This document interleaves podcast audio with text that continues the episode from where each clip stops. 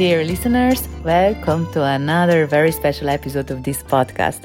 With us is one of the original founders of the podcast, Primoz Zanoskar. For the last six months or so, he has been working as CMO and creative director of Taya, a company that is bringing automated translation to companies to nail at localizations and just like reaching more international consumers.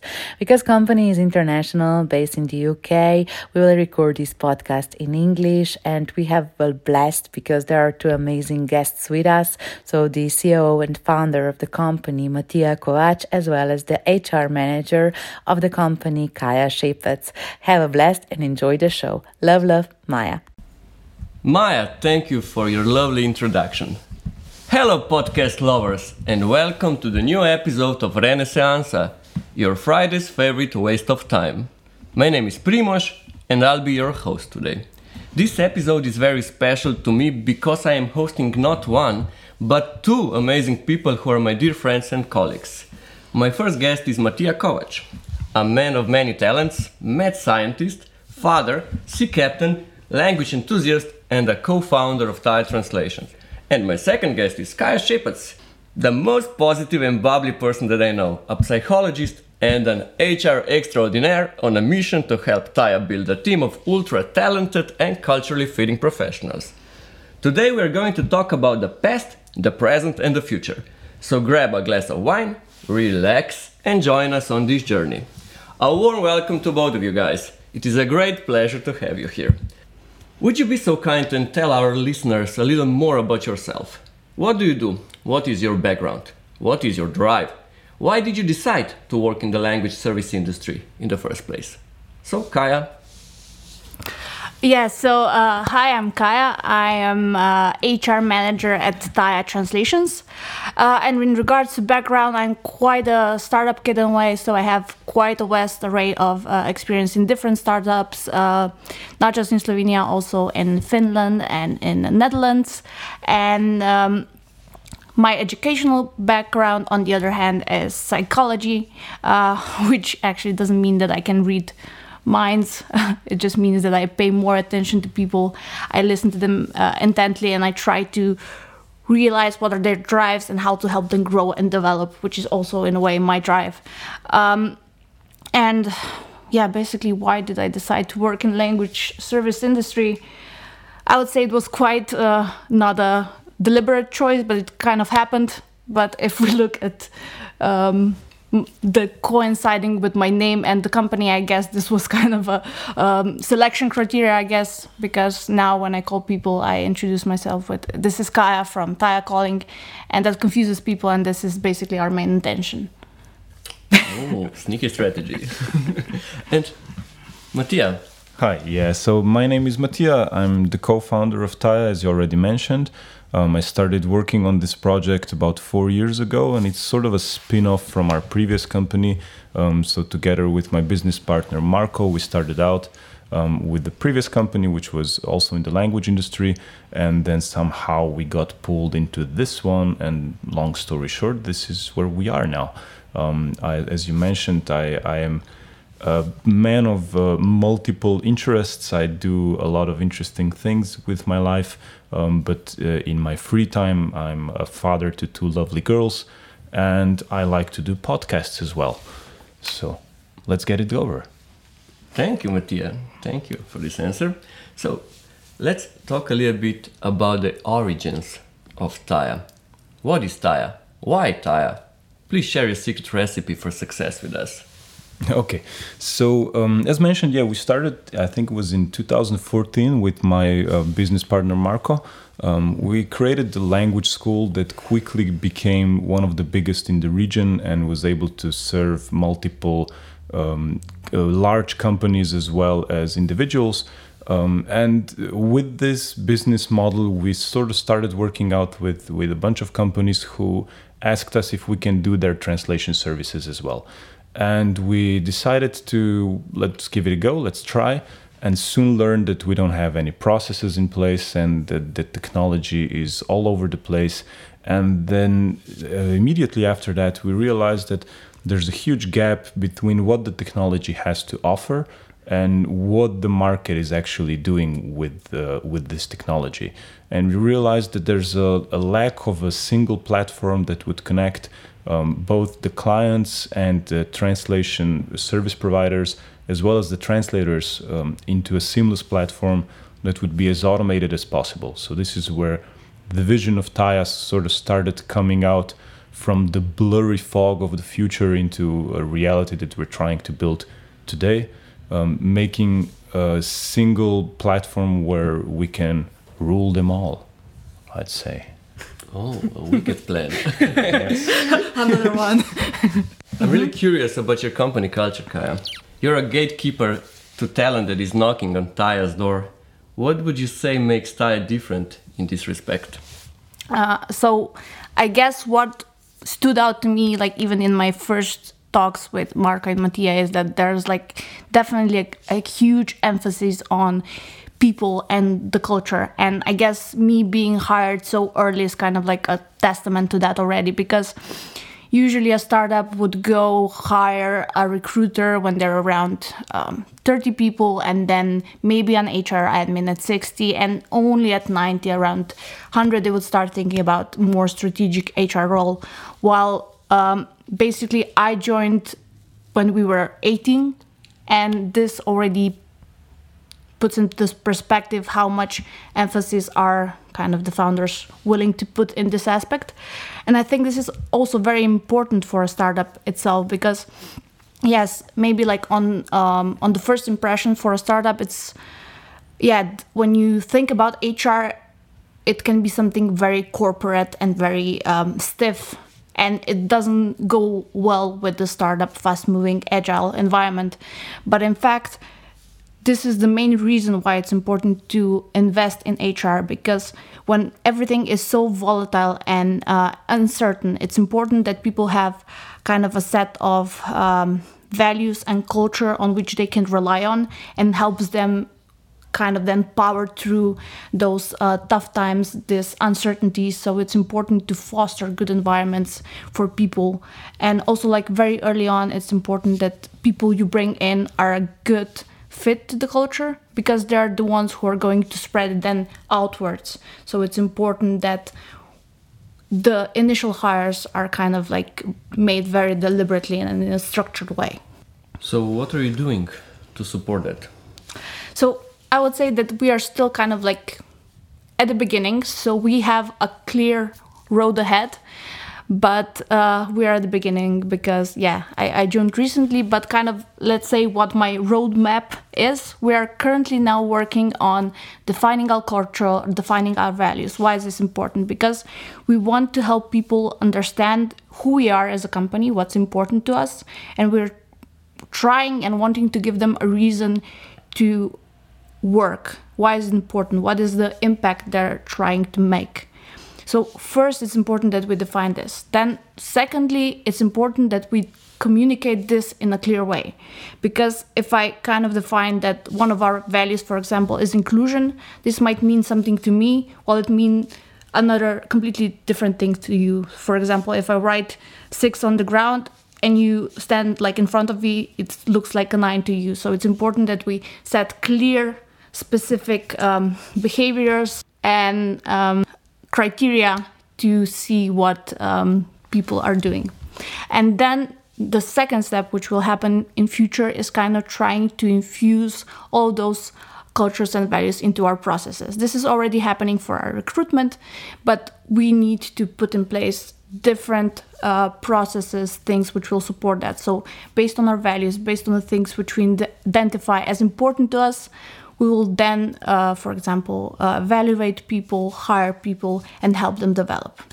So it's this is kind of a grand plan. Thank you, Kaya, for this detailed answer. Matija, it is well known that you're not a typical leader. What makes you stand out from the crowd? What is the secret of successful leadership? Oh, that's a good question. Uh, I don't think I've discovered that yet. Uh, I'll, I'll, let you know in in the, the comments below when I figure out what the what the secret to successful leadership is. Yeah, but I, I tend to have maybe a bit of more of a modern style of leadership. I'm I'm not a typical corporate bastard with a tie. Um, I try to keep a very relaxed atmosphere with uh, most of my colleagues. Um, I like to listen in to people and to see what they have to say.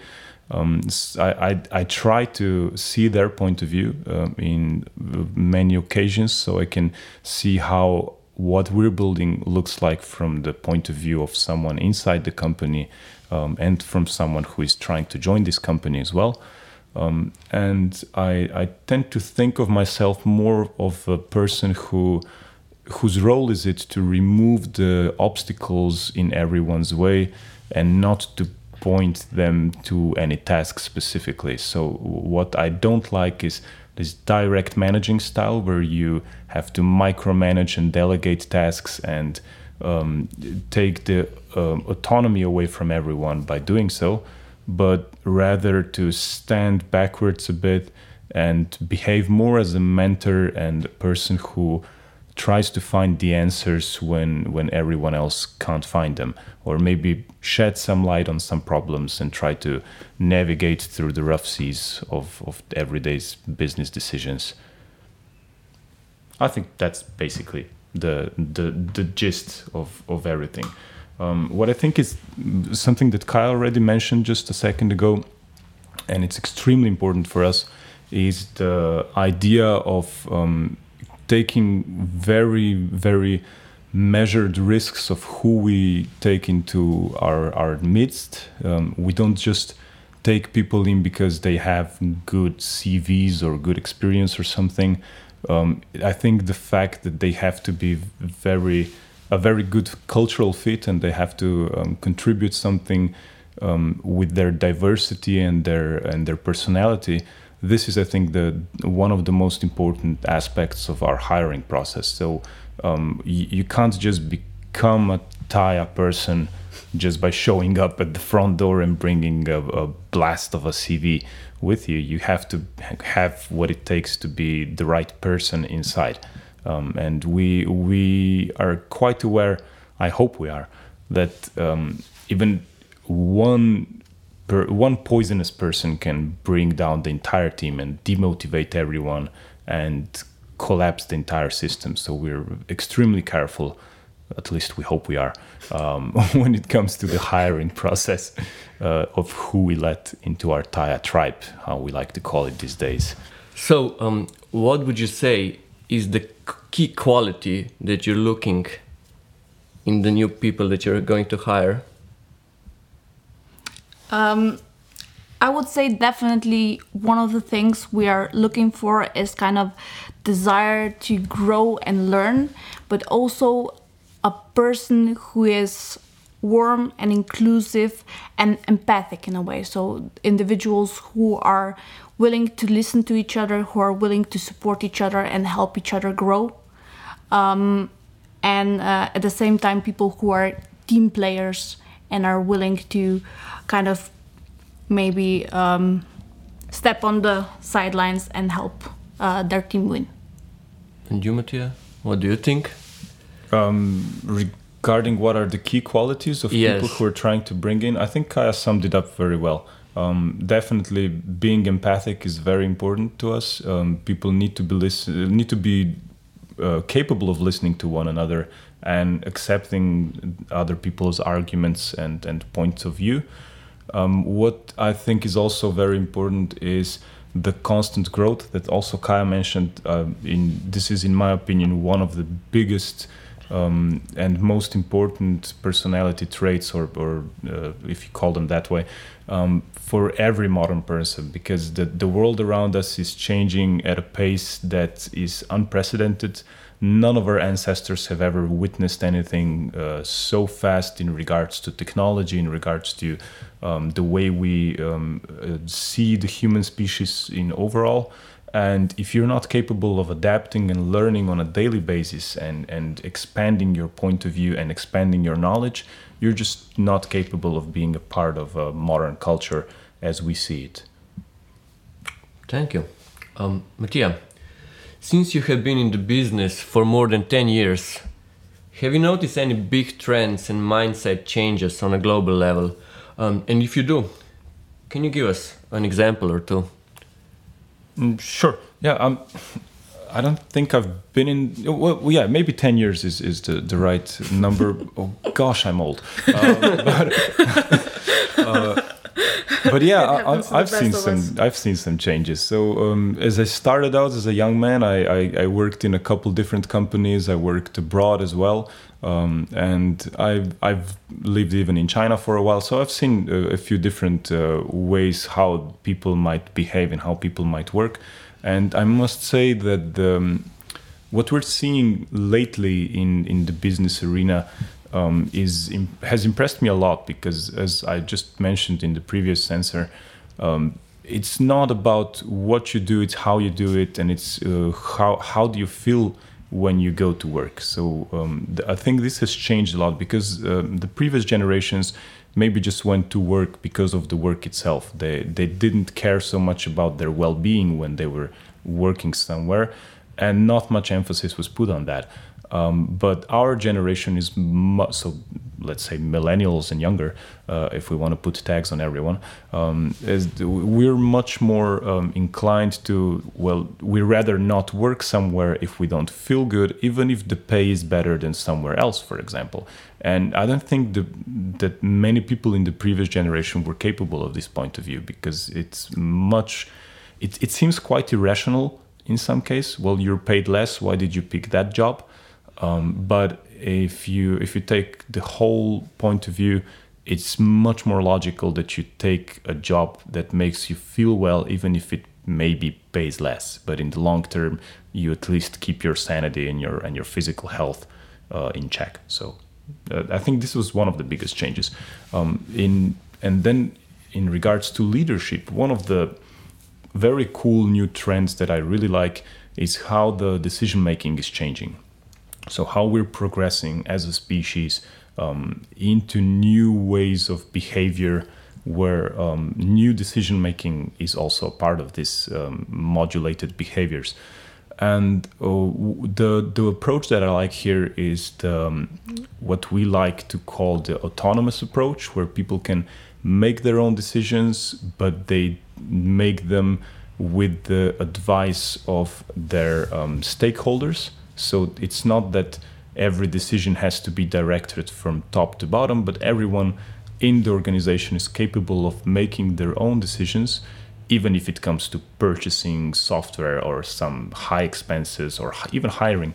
Um, but they um, but they usually need to at least take some time and consult with other stakeholders in the process. So they're sure that okay, everyone is maybe not extremely con- consent with this. There's you don't search for uh, consent of the entire group, but at least you get the point of view of everyone uh, responsible in the in the business.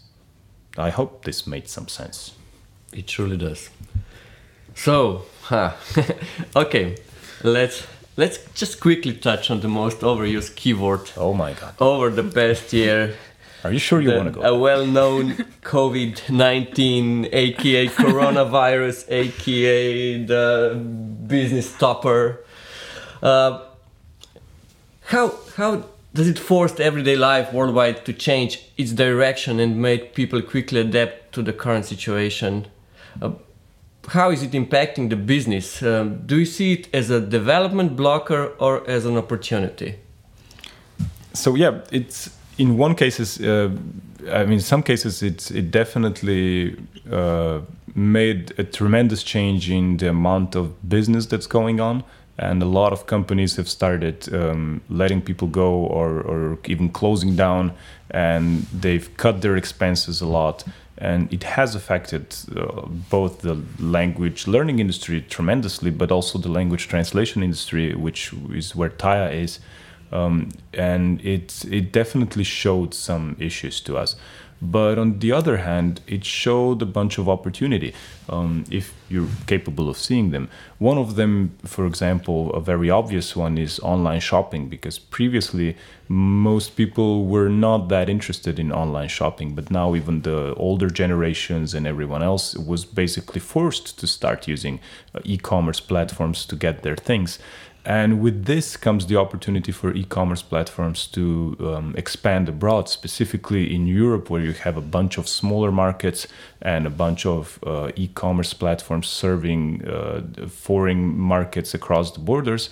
They then require localization, and this is where we can step in with our solution because we can streamline this process, make it more efficient, make it faster, uh, make it even cheaper and help these companies reach more uh, users in foreign markets. So this is one way, um, and yeah, it's it's easier, I guess, than it is than it was previously to do this. So we're basically kind of lucky that this pandemic hit us now and not ten years ago, where we now have the technology and the means to to work as a society on a remote basis. Yeah. Okay, Kaya. And how about the new hiring process uh, in these epidemic times? Is it harder or is it easier for you to find new people? Well, actually, I guess one thing which kind of um, was a big consequence of uh, the COVID uh, situation is definitely that now the talent pool is wider. On one hand, there has been a lot of layoffs, and there's a lot of very talented, great people out there who are looking for new opportunities. Uh, and at the same time, everybody's got used to working remotely. So any borders that existed between us before, like physical ones, they're not a factor anymore. So when you're searching for talent, it's so much easier. And we actually decided to open up. And like if I look back in this week, I um, introduced or interviewed people uh, from. Um, uh, Uzbekistan, from Argentina, from USA, from uh, Brazil, um, and other like also European countries, Barcelona, London. So it's so much more opportunities and so much more great people we can uh, bring on with, with these changes. Taya is already helping many big and small companies tackle the translation challenges with the help of AI. Do you think AI is evil and will steal all of our jobs in the future? Or do you see it as a huge technological advancement that could make our life much easier? Well, it's definitely not evil in its own way. I mean, it's just technology, right? Um, it, it, people in the early industrial revolution also thought that um, machines that took their jobs were evil and they were setting whole factories on fire. And this is uh, something that's been repeated all over through human history. So technology always brings some uh, traction in in how people adopt it. In some cases, they're terrified of it. Um, in some cases, it just uh, ruins their lives, basically. But it it nevertheless changes the way we work as humans, and it eventually, at least most technology, except military technology, uh, improves our lives in the long term. So if you are working as, a, in our case, that would be a translator who works uh, manually without the assistance of any tools, um, then you would be wasting a lot of your precious time in your life doing something that can be achieved with uh, much uh, much less effort. And not not to say that the work of translators as they do it is not being um, cherished or, or important to us but it's the fact that yes if you're translating literature or if you're translating something that requires a lot of human attention then of course there's no way that ai can entirely replace what you do. But if you're translating boring business documents all over the place which is what we do most of the times to be honest um, then why would you waste your life away by translating the same contract over and over again every week or if you have a, a solution that can translate this content, this let's say contract um, or whatever content you might have um, in a much more efficient way and you as a human as a translator only come in to make sure that the ai was not wrong or any other technology that might assist you in this case um, w- wouldn't you grasp that opportunity would, wouldn't you want to be more efficient at what you do and have more time to live a meaningful life and not do things manually? I mean, it's it's the difference between chopping your onions by hand or throwing in in the food blender. You know, it's kind of a similar thing. Sure. Uh, also, I would say that in a way, still the machines are not perfect and they're not there yet. So, what this AI actually does, it enables people to actually focus on more kind of cognitively demanding parts which are actually a challenge mm. and which are interesting in a way. So basically, you avoid translating the things which are repeating itself and which are not a challenge for you anymore, and you can spend more time focusing on the aspects which are harder, where you need to like really think, really put your creativity and knowledge into action and actually um, get to a great result. Great. Um, now let's talk about the AI in the translation industry. How does it help? So, I I mean, machine translation has been in the localization industry for decades now. It started out first with translation memories in the 80s, even, uh, and then definitely in the 90s when most large organizations started using so called CAT tools or computer assisted tools. And then through time, we developed uh, statistical machine translation uh, technology, which uh, you might remember from the early days of Google Translate. And it was uh, quite quirky at times, a lot of mistakes. And in some cases, it, it might be much more harmful to, uh, to the translator than, than useful uh, when we talk about statistical machine translation. But of course, there were times um, with a lot of repetitive content, a lot of content again that does not require so much human intervention, so much um, uh, in information to be brought across into another language um, that requires uh, the human touch. Um, and in that cases, even statistical machine translation was a, a fairly useful tool in its own way. Um, but uh, in the recent years, let's say about 2016 even, which is not so long ago, is when uh, first neural machine translation engines were finally coming out on the market. Uh, Google Translate, of course, was one of them. And by now, this technology has drastically changed um, the, the quality of machine translation. Uh, from this funny, quirky little Google Translate of 10 years ago to what is now actually becoming a very, very good uh, translation in uh, both general and specific topics. Um, and I'm, I'm not uh, regarding, I'm not talking only about Google Translate here. There's a plethora of different solutions out there, um, and we're all developing something of our own.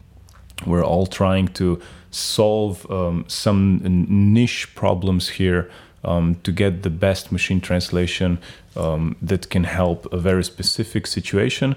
Um, and this is definitely changing the translation landscape uh, tremendously.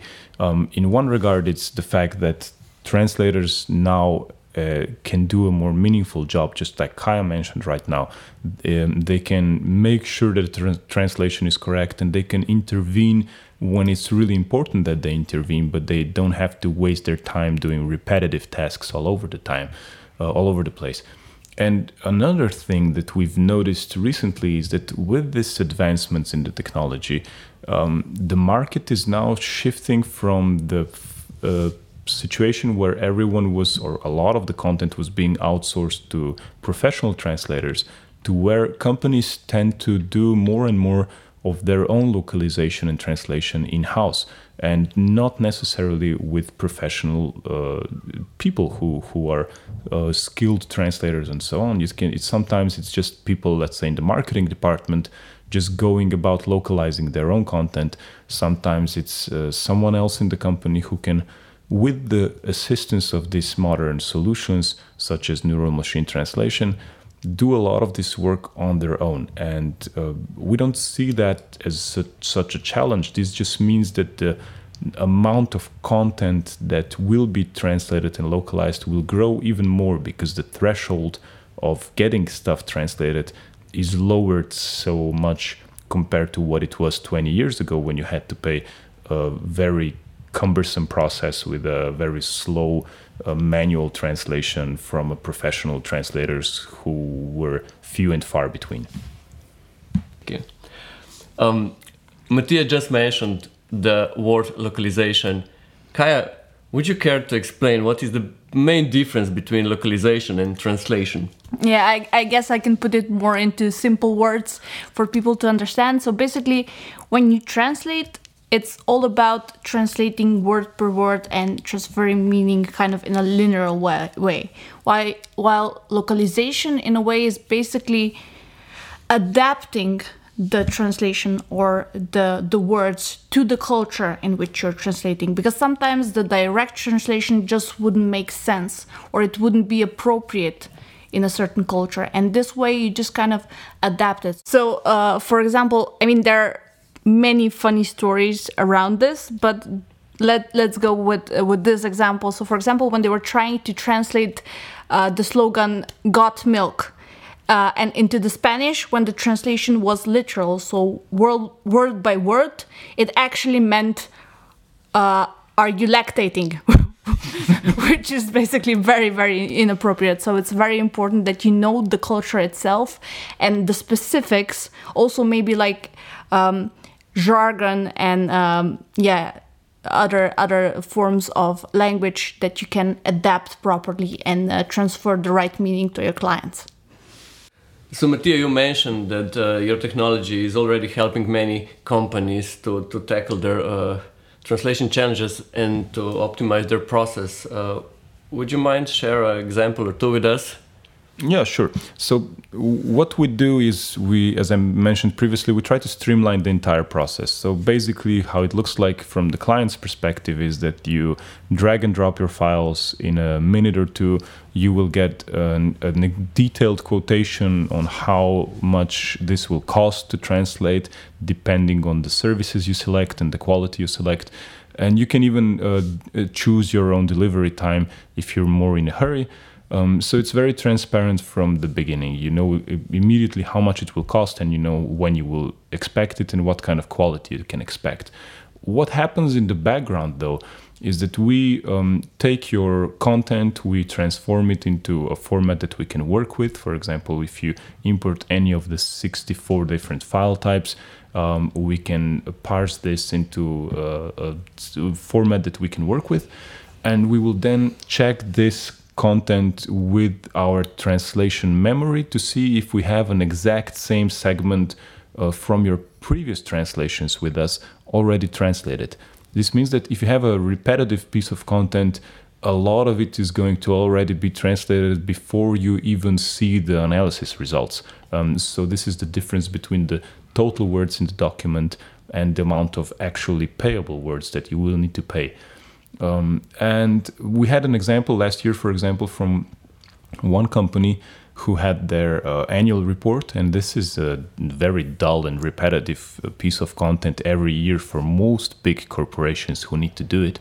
And by the time they sent us their um, new new for this year's uh, results uh, of the annual report, about 46% of that was already translated uh, at the same the, in the moment when we dropped it into our application.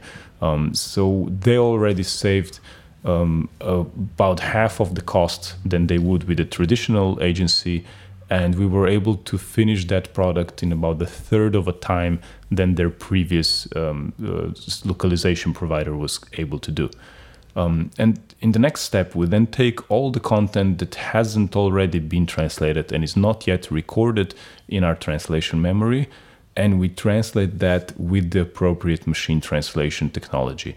Um, when I say appropriate, because we choose different engines depending on what uh, genre or what kind of uh, category your text might fit in. And once we have that machine translation, we can then uh, direct your project to the right uh, professional translator, so a person who has the experience uh, in this area uh, and can uh, make sure that your project will be translated correctly. And they will basically adapt the machine translation and uh, make sure that it sounds correct.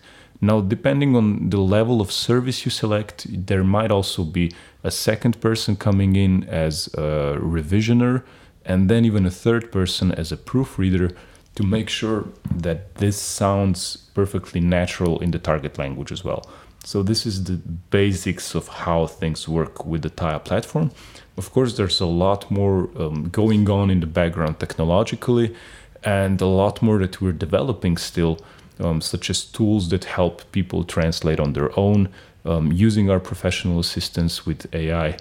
Um, and other solutions that are quite interesting. And if you follow us on social media or anywhere, um, you will see what we're all about and what we're what we're developing in our little offices.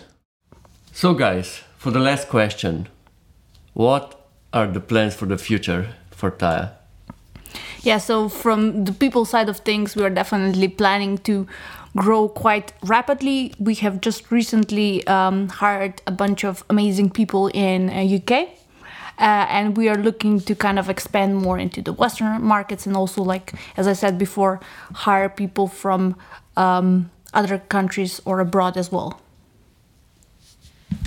So, and yeah, we're we're really getting there. I mean, the I'm really amazed with the team we have now, and I'm sure there's no limits to what we can do. Um, the growth has been tremendous in the last couple of months, and I'm really proud of the achievements we've we've done. Uh, one of the cool things we're launching in about a month from now, and is now in private beta, is a new product called Catapult. Um, it's a tool that will uh, catapult you across your language barriers, so you'll be able to translate yourself with the assistance of modern AI technology. And we're really excited to show this to the rest of the world. So if you're curious about um, joining our private beta um, and use it for free for a while to be able to test it out um, and give us some feedback, feel free to reach us out on our website. Um, but then there's just so much more that's going on in the background. So many cool new technologies, so many cool new ideas coming out. And uh, I'm really happy to be part of this journey with such amazing people that we have on board. Kaya, Matija, thank you both for your time and this amazing podcast. It's been a blast. I wish you all the best in the future. And of course, thank you, my dear listeners, for your time. I hope you enjoyed it. And until the next time, Bom voyage!